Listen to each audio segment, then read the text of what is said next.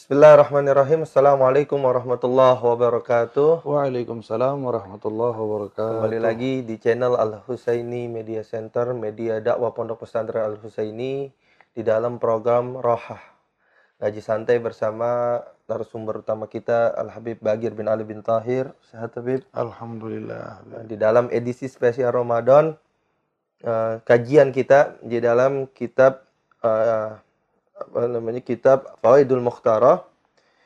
Kita sudah sampai di bab insyaallah pada pertemuan kali ini kita akan membahas bab al ibadah wal maksiyah di halaman 430 saya mulai baca Habib. Fadal Habib. Insyaallah kita akan memulai baca di nomor yang kedua. At-taklifu maghamun sarib. Karena Rasulullah sallallahu alaihi wasallam la yaskutu anhu at-taklif. Wa huwa afdalu khalqi bal qama bil ibadah hatta tawamarat qadamaha qadamahu Bismillahirrahmanirrahim. Alhamdulillah wassalatu wassalam ala sayyidina Rasulillah. Sayyidina Muhammad bin Abdullah wa ala alihi wa sahbihi wa man walah. Wa la hawla wa la quwata illa billah amma ba'd.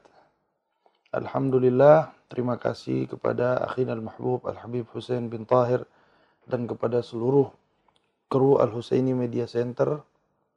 Mudah-mudahan Allah selalu melindungi kita. amin amin Kemarin setelah kita selesai membahas tentang fadilah Ramadan, dilanjutkan dengan taubat, dilanjutkan dengan Sedekah. ibadah bersedekah.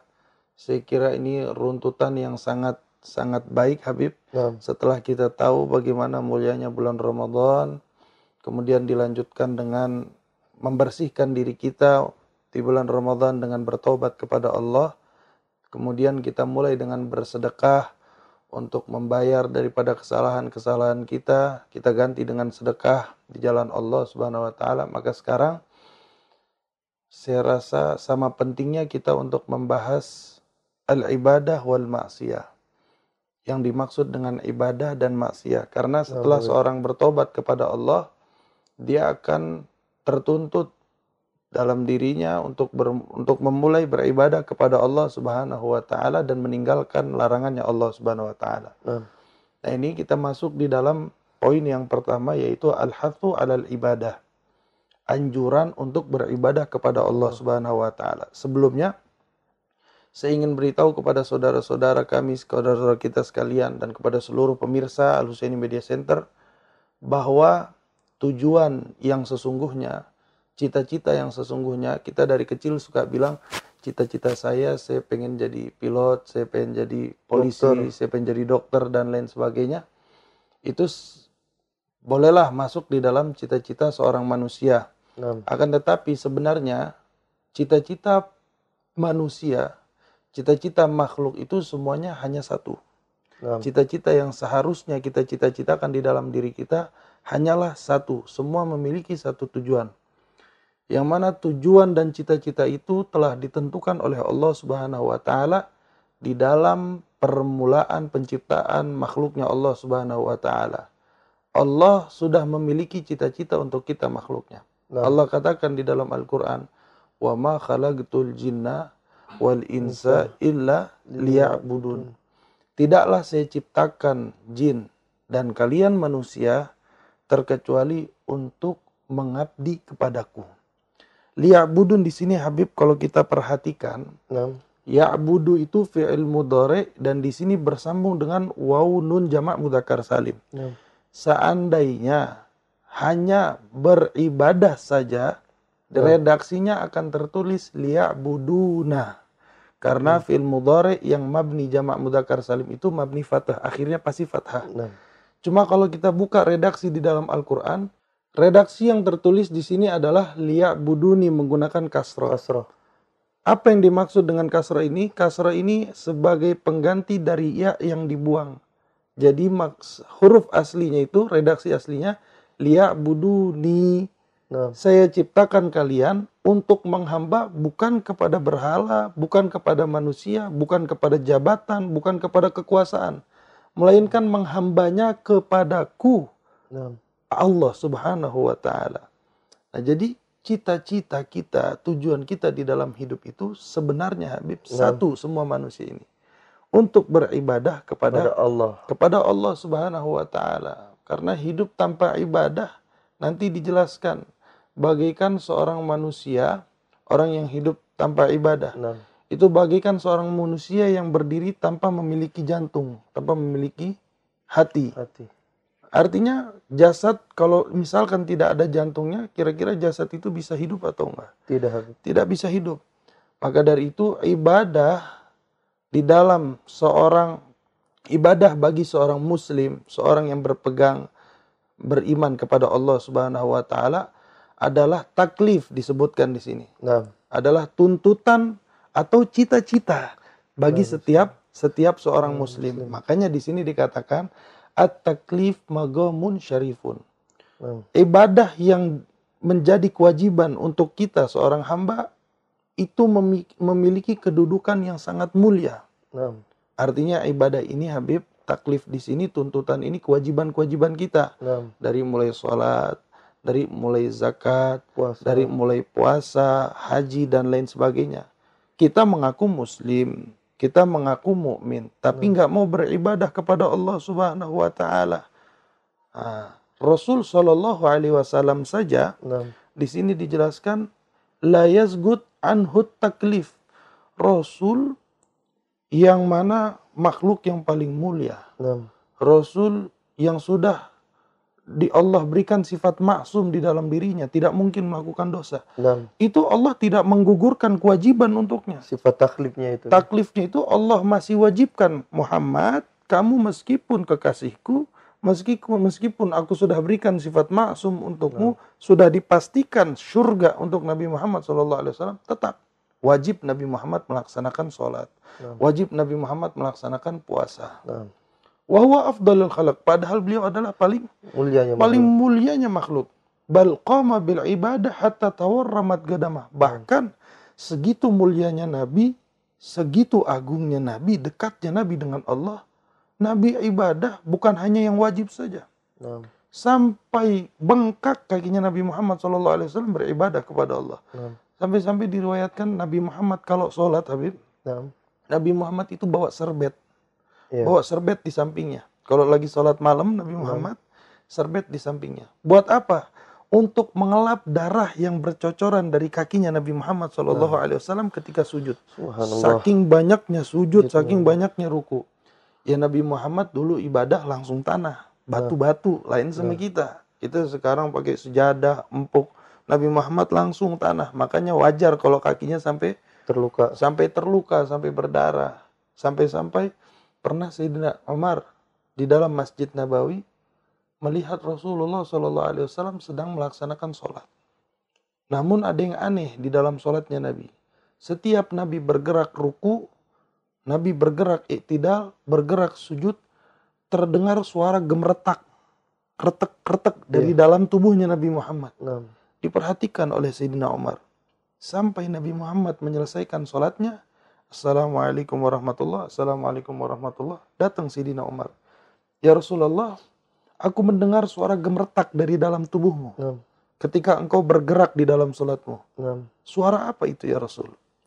Kemudian Rasulullah tersenyum dan mengangkat bajunya, dibuka lipatan sarungnya, Naam. dikeluarkan batu. Satu, dua, tiga, empat, sampai ada tujuh batu yang berada di dalam lipatan sarungnya Nabi Muhammad. Artinya, tujuh batu itu menjelaskan tujuh batu itu menerangkan bahwa Nabi Muhammad sudah tujuh hari belum makan. Dalam keadaan lapar. Dalam keadaan lapar. Jadi satu hari ditahan dengan batu. Dua hari ditahan dengan batu. Ini segininya Rasulullah. Dalam masih ibadah. beribadah kepada Allah Subhanahu wa taala. Apalagi kita.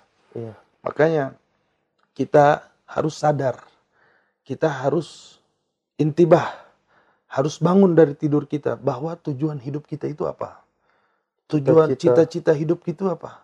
Cita-cita hidup kita, tujuan hidup kita yang sekarang kita lagi bahas Nah, yaitu beribadah ibadah kepada, kepada Allah Allah. Subhanahu wa taala. Seperti itu. Nomor dua Habib ya. Kita lanjut ke nomor tiga. Uh, Sayyidul Wujud qama fi mihrabil amali hatta tawamarat kadamah. Nah, ini Mungkin kurang sama. kurang lebih sama, kurang lebih sama. Lanjut saja. Ya. Lanjut ke yang nomor lima. Hmm. Qala al-Habib Ahmad bin Hasan al-Attas radhiyallahu anhu fi qawlihi ta'ala wa'budu rabbaka hatta ya'tiyal yakin. Ikhtilaf ahlu zahir wal batin fi ma'na hadil ayah. Faham ahlu zahir al-muttaqayyiduna bi zawahir al-faz faqalu al-murad bil yakin al-maut. Wa ahlul batin yaqulun al-yakinu huna al-fathu wal ma'rifah. Fa idza haqqin wa yakin wa basiratin wa, nu wa nurin wa ma'rifatin. Bagaimana Habib? Al-Habib Ahmad bin Hasan Al-Attas radhiyallahu anhu Naam. beliau menjelaskan tentang ayat yang berbunyi wa'bud rabbaka hatta ya'tiyakal yakin. Naam.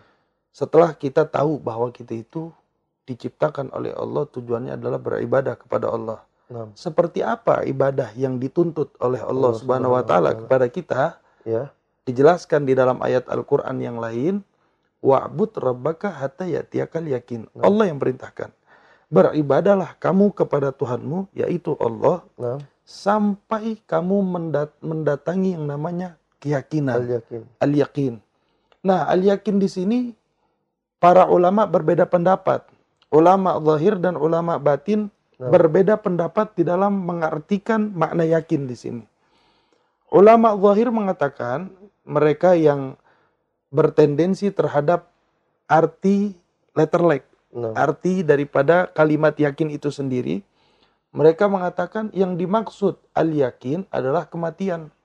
Naam. Jadi tuntutan ibadah dari Allah kepada kita Kita. itu beribadahlah kalian kepada Allah sampai kalian meninggal. Sampai Itu meninggal. menurut ulama ahli zahir.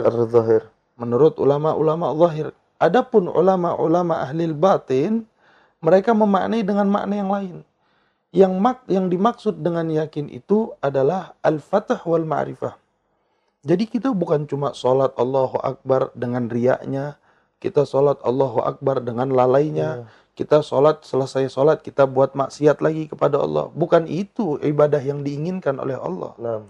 Kalau seperti itu justru kalian menghina Allah di dalam beribadah kepadanya. Naam. Yang diinginkan oleh Allah Subhanahu wa taala adalah beribadah kalian, beribadahlah kalian Iya.